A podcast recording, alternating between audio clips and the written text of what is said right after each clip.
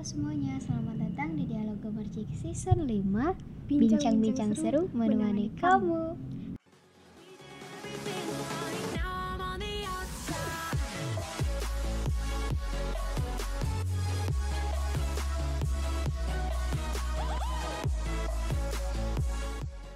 Hai hai hai, balik lagi nih di Dialog Gemercik Masih bareng aku, Resa Nopia Dan Dila, hai Resa. Kita Hai, ketemu Teh lagi ya.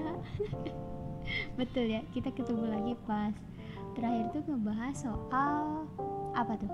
Eh, ini apology language. Nah, itu pas iya. lebaran kan. Eh, eh, bener. Nah Oke. sekarang udah lebaran ketemu lagi. Kayak ketemu lagi ya.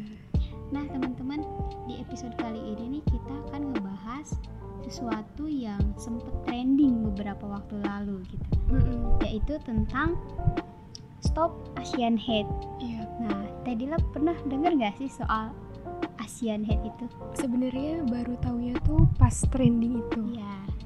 Ya jadi baru tahu kalau oh ada ternyata eh, semacam campaign mungkin ya campaign Stop Asian Hate kayak gitu dan waktu itu trending di Twitter dan pas dibuka em, oh ternyata eh, isu ini ternyata ya nggak merupakan isu yang baru loh gitu kalau Reza gimana?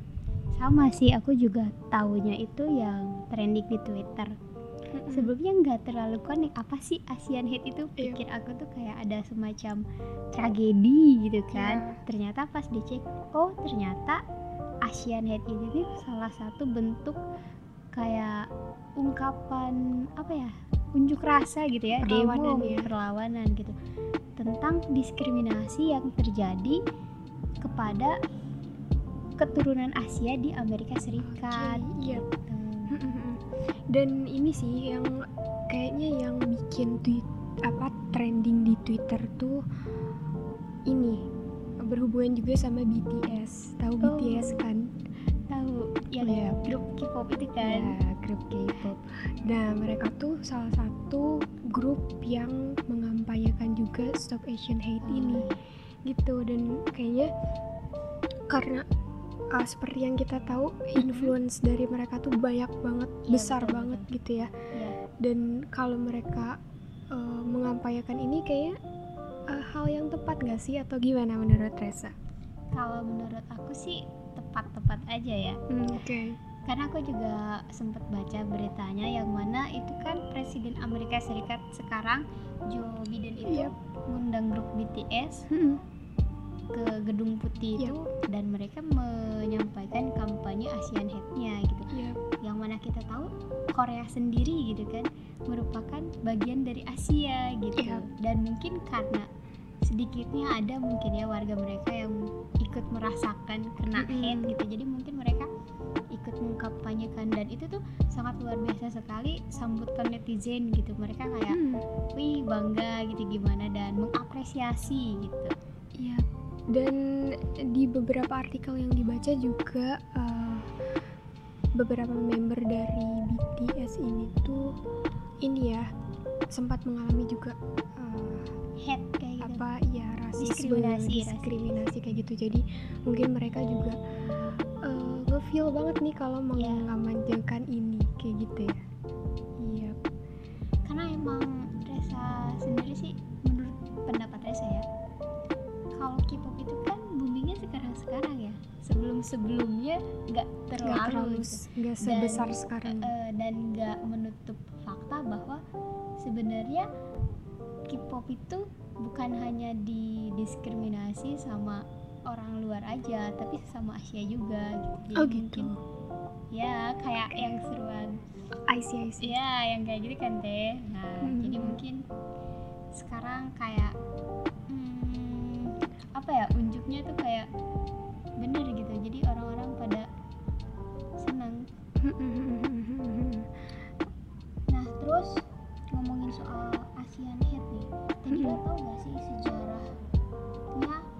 Muncul Asian Hate itu kayak gimana? Sebenarnya kalau sejarah mendalamnya belum terlalu mengulik, Iya, tapi iya. lebih ke asal usulnya kali ya. Iya, asal usul usul. kenapa sih ada hashtag uh, stop stop Asian Asian Hate. kayak gitu.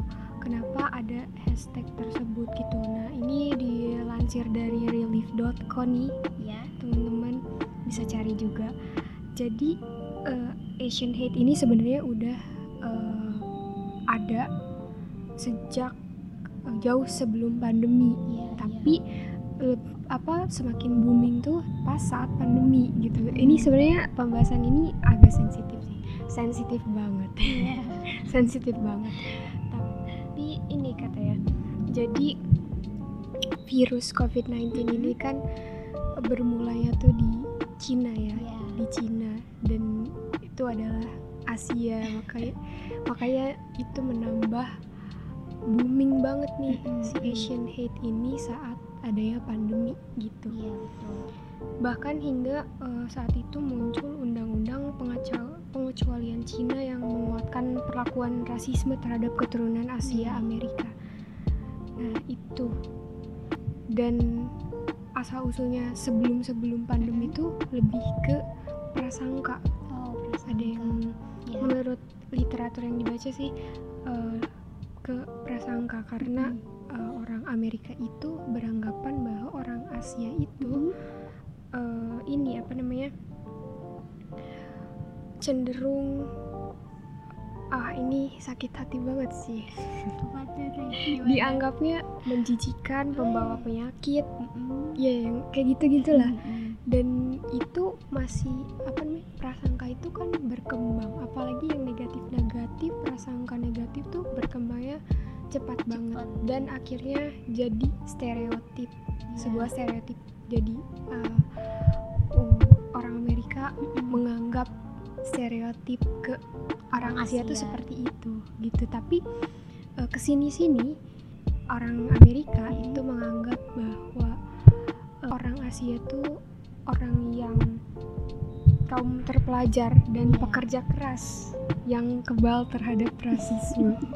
Kita bukan cuma rasisme deh kayaknya kebalnya untuk Indonesia sendiri ini ya. Oke oke. Kayaknya udah kalau dari sekedar rasisme mah udah gak biasa gitu deh. Maksudnya udah biasa gitu. Ya. karena ya mengulik dari sejarah kita dulu kan tahu mungkin gimana. Jadi kayaknya wah biasa deh nah kalau menurut Reza sendiri nih ini dikutip dari The Washington Post Ya. teman-teman juga bisa cek bahwasanya katanya keturunan Asia tuh sebenarnya udah ada di Amerika sejak 160 tahun yang lalu oke Nah, tapi sejak itu pula mereka jadi udah kayak sasaran kefanatikan gitu. oke Ya mungkin kalau dipikir secara logis lebih ke pandangan fisik mungkin ya karena kan secara kita tahu Iya. kalau orang luar tuh dia perawakannya tinggi, bagus, ya cantik, karena beda putih kan gitu kan. Iya. Sedangkan orang-orang Asia yang notabene-nya dari tinggi badan itu kan jauh lebih pendek. Mm-mm. Terus kayak keber- keberagaman kulit itu juga bermacam-macam gitu. Dan mungkin kelihatan dari mata juga kan, nggak ada yang sipit, ada yang gimana gitu. oke Eh, salah satu sejarah yang dijelaskannya itu ada pada masa Civil War. oke Jadi imigran keturunan Tiongkok itu kan mulai berat berdatangan dan menetap di Amerika Serikat tuh dalam jumlah yang banyak gitu sekitar tahun 1850-an. Nah, pada saat itu bertepatan dengan kayak eh, Amerika tuh butuh buruh untuk memulihkan itu bukan untuk apa membangun kayak jalan kereta kayak gitu loh. oke Nah, sedangkan kan pada saat itu dianggap pekerjaan kayak gitu tuh terlalu berat gitu. Mm-mm. Sedangkan gajinya minimum. Mm-mm. Nah, kebalikannya dari orang Amerika, orang-orang Tiongkok yang datang di sana tuh mereka ngambil pekerjaan itu. Nah, jadi muncullah eh, apa cuatan-cuatan yang kayak orang Tiongkok datang ke sini tuh untuk mengambil pekerjaan orang putih gitu. Nah, itu kan jadi salah satu prasangka yang buruk ya. Nah, jadi kayaknya emang setuju aja sih kalau tadi Teh Dila bilang kan prasangkanya menyebar dengan cepat ya. Nah, itu tuh prasangkanya kayak emang udah ada dari dulu juga gitu. Iya, iya, iya, iya. Terus ada juga yang eh, pembantaian orang Tionghoa, terus ada juga yang UU diskriminatif gitu. Nah itu gimana tuh?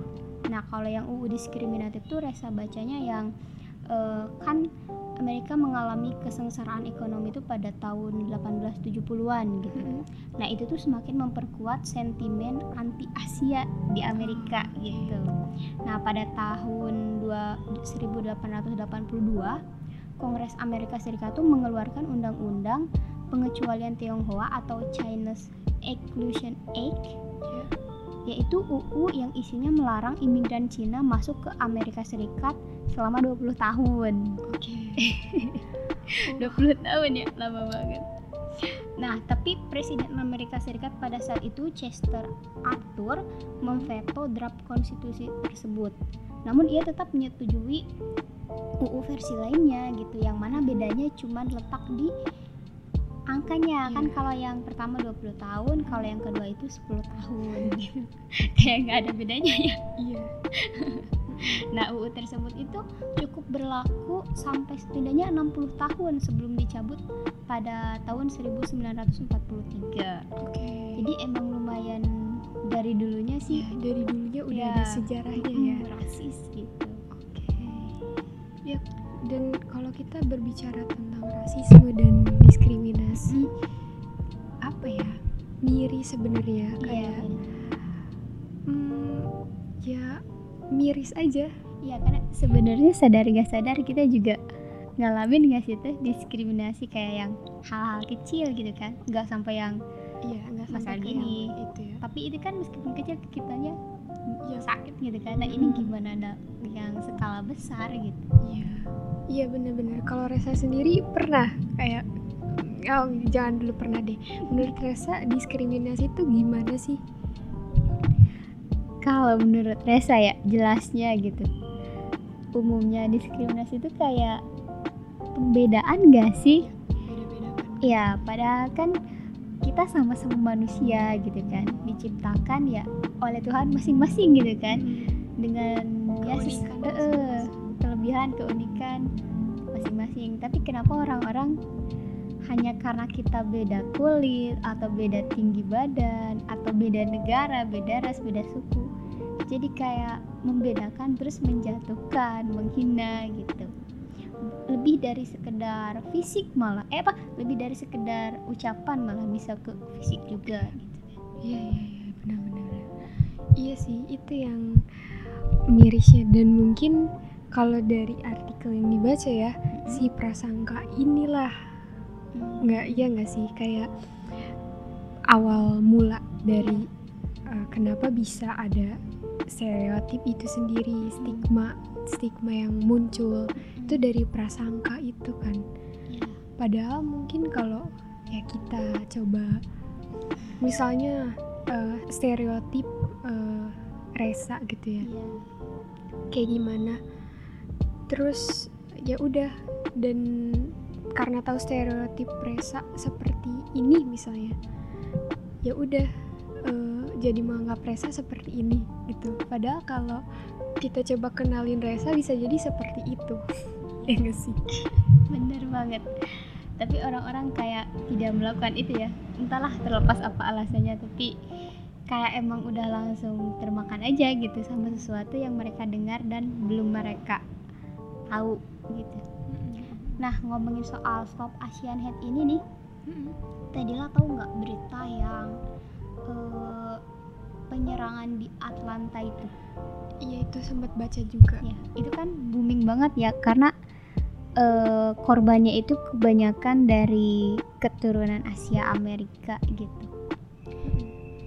Nah ngomongin soal Asian Hate kan tadi udah dibahas ya sejarahnya sebelumnya nah kenapa sih booming boomingnya sekarang gitu? Oke. Menurut Adila gimana tuh? Sebenarnya Hmm. kalau dilihat dari riwayat artikel-artikel Iya. yang bahas ini ini tuh sudah ada di tahun-tahun sebelumnya juga. Iya tahun 2021 juga Hmm. ada yang ngebahas ini dan sekarang booming lagi. Sempat trending juga di Twitter. Itu tuh karena bertepatan juga dengan ini eh, peringatan tentang bulan warisan Asia Amerika penduduk asli Hawaii dan kepulauan Pasifik itu tuh eh, peringatan eh, yang isinya berbagi budaya gitu di setiap bulan Mei. Nah, dipanggil ke Gedung Putihnya tuh kan tanggal 31 Mei itu. Bulan peringatan itu tuh mereka biasanya berbagi sejarah. Iya, kayak karena itu juga jadi booming lagi. Iya deh, karena ada hari peringatan itu bertepatan terus juga um, aktornya atau yang melakukannya tuh orang yang berpengaruh banget jadinya booming lagi. Dan isu ini kayaknya selalu ada di setiap masa ya enggak sih? Setuju banget. Apalagi uh, pada saat masa-masa covid nih teh. Nah itu tuh semakin memperburuk kasus anti Asia gitu kayak uh, Resa pernah baca berita-berita kasus-kasus Asian Head itu kayak yang ada hinaan kasar di Detroit, New York City. Terus ada juga berita yang ngejelasin kayak pandemi membawa kebencian gitu. Nah balik lagi ke stigma yang tadi gitu yang kalau penyakit itu datang dari Asia gitu. Nah yeah. Itu tuh yang ikut memperburuk juga. Terus ada juga rasisme warga Cina di Inggris ya itu juga latar belakangnya sama karena COVID ini kan pas naik itu sudah jelas ya berasal dari sana gitu. Nah jadi rasis uh, Cina di Inggris tuh lumayan tinggi juga naik juga. Okay.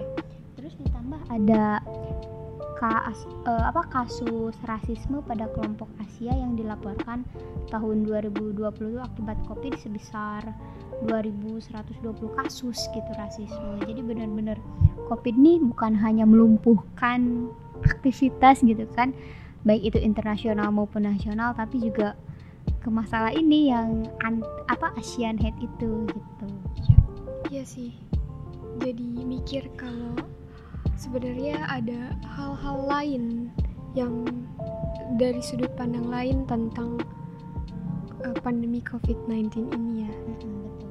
Kalau kayak biasanya dibahas tuh dari sektor ekonomi ya, pendidikan, pendidikan. ternyata di sektor yang seperti ini juga ada gitu. Dan itu kalau teman-teman cari nih berita-berita atau uh, apa search tentang Asian Head itu banyak tuh yang munculnya. Gak cuma berita tapi juga kayak contoh kasusnya terus eh, bentuk-bentuk uh, kepedulian upaya gitu. Oke nah paling mungkin yang terakhir nih teh. Iya. Yeah upaya. Ya upaya kita sebagai generasi penerus gitu kan. Nah menyikapi hal ini tuh kayak gimana kalau okay. simpelnya gini sih ini mungkin akan jadi kalimat yang klasik tapi ini hal yang kecil yang bisa kita lakukan. Ya. saling menghargai. Saling menghargai ya, ya itu sih. Kalau Resa sih ya kayak yang udah dilakukan aja sih sekarang. Kan banyak tuh yang kayak pagar stop Asian Head terus yang kayak uh, unjuk rasa langsung gitu kan stop Asian Head. Terus ada juga beberapa aktor aktris di luar negeri gitu mereka pakai kostum yang temanya stop Asian Head gitu. Nah, dan mungkin kita juga sebagai generasi muda bisa tuh dengan kreativitas apa aja untuk melakukan penolakan itu gitu. Ya dengan poin catatannya tadi kita harus saling menghargai terlebih iya. dahulu nah oke okay, teman-teman seru juga ya pembahasan kita hari ini tentang stop Asian Head gitu semoga ini bisa menambah wawasan dan juga informasi teman-teman tentang diskriminasi terutama kepada masyarakat Asia.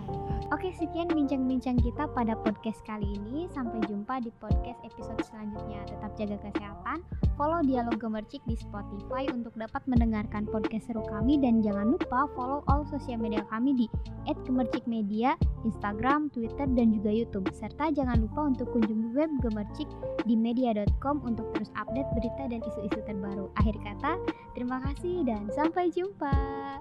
Bye.